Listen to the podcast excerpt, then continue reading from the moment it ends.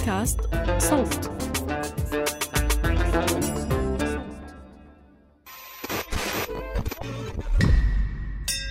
أهلا. أنا بسنت سمهون وحابة أرحب بيكم في الحلقة دي من المستجد جدا. الفقرة المصغرة من بودكاست المستجد بنقدم لكم فيها آخر الترندات والأخبار في كبسولة ملخصة جدا. من أخبار روسيا وأوكرانيا الأسبوع اللي فات هننتقل الأسبوع ده للفن وال gaming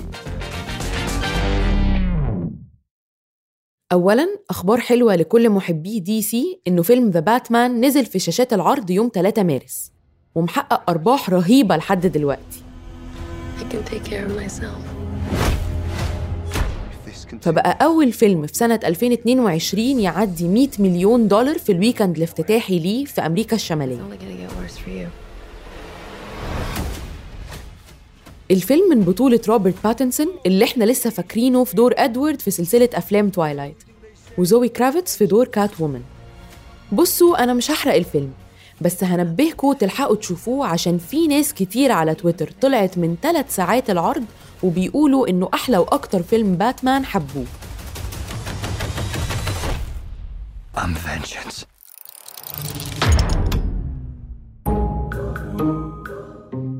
اللي شفته شيء خرافي جدا. أسطوري أسطوري بشكل ما ينوصف. عندي شوية تحفظ على بعض الأشياء لكن يمكن بسبب إني مو متسلسل في أحداثه زين. الفيلم لكن بشكل عام الفيلم استثنائي ممثل باتمان مناسب للدور تماما. أجواء مدينة باتمان غوثم سوداوية وإبداع بصري. التركيز على عدو مهم لباتمان لم يتم مرة التركيز عليه إني حضرت الفيلم. باتمان باتمان. أفضل الشخصيات بالنسبة لي صدق تغير mood ي بهالطلعة والفيلم يحمس مرة بالرغم من إنه طويل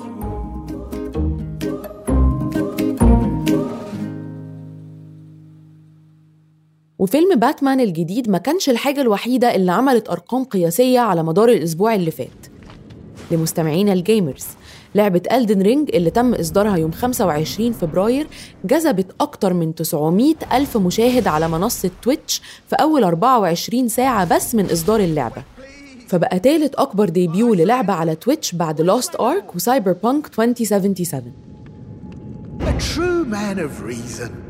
Just what I like about you. اللعبة بتدور أحداثها في عالم خيالي. ممكن تختار وتعمل اللاعب أو ال character اللي بتفضله وبتكتشف عالم اللعبة بحرية أكبر. Elden Ring من تطوير شركة FromSoftware أو FromSoft اللي مشهورة بتطوير لعب صعبة وفيها تحدي عالي زي سلسلة Dark Souls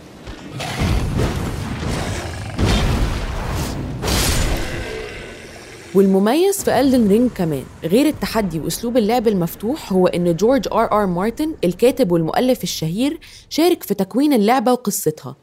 طبعا أكيد فاكرينه من سلسلة كتب A Song of Ice and Fire اللي تم اقتباسها لمسلسل Game of Thrones الغني عن التعريف. I'm not going back north. اللي أنا وناس كتير مش عارفين نتخطى نهايته لغاية دلوقتي. I don't know. في قصة وحلوة صراحة. بس كل فترة وفترة وانت ماشي بالقصة يجيك boss يكرهك بحياتك ولازم تتعلم عليه وتقوي نفسك عشان تجتازه. وهكذا الين اخر Elden Ring أسهل يعني من حفرة للحديرة اللعبة أقرب ل Dark Souls 90 ساعة من المتعة. والله ما حسيت بملل ولا ثانية. شكرا هيديتاكا ميازاكي وجورج مارتن على هذه اللعبة الأسطورية. أما محبي المزيكا فإحنا مش ناسينكم. وشايفينكم وإنتوا بتسمعوا أغنية ويجز الجديدة البخت. بلعب البخت سألتها ورفضتني. استغربت امال فين هبتي الأغنية عليها حوالي 15 مليون مشاهدة على اليوتيوب لحد دلوقتي.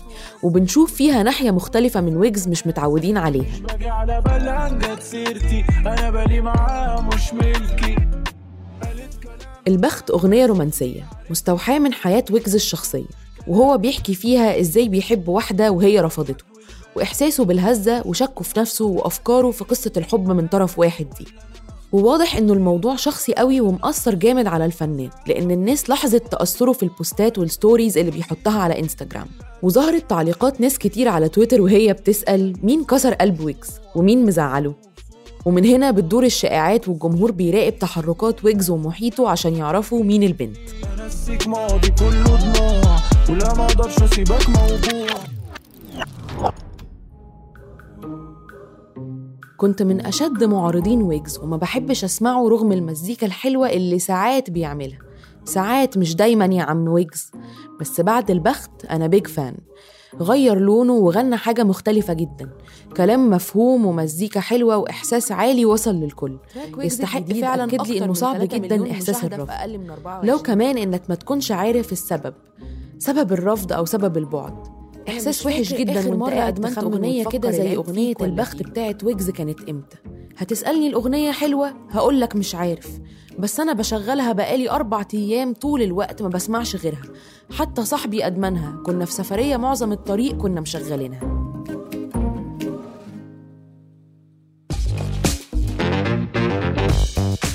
كنت معاكم من الإعداد والتقديم بسنت سمهوت من التحرير عمر فارس ومن الهندسة الصوتية محمود أبو ندى.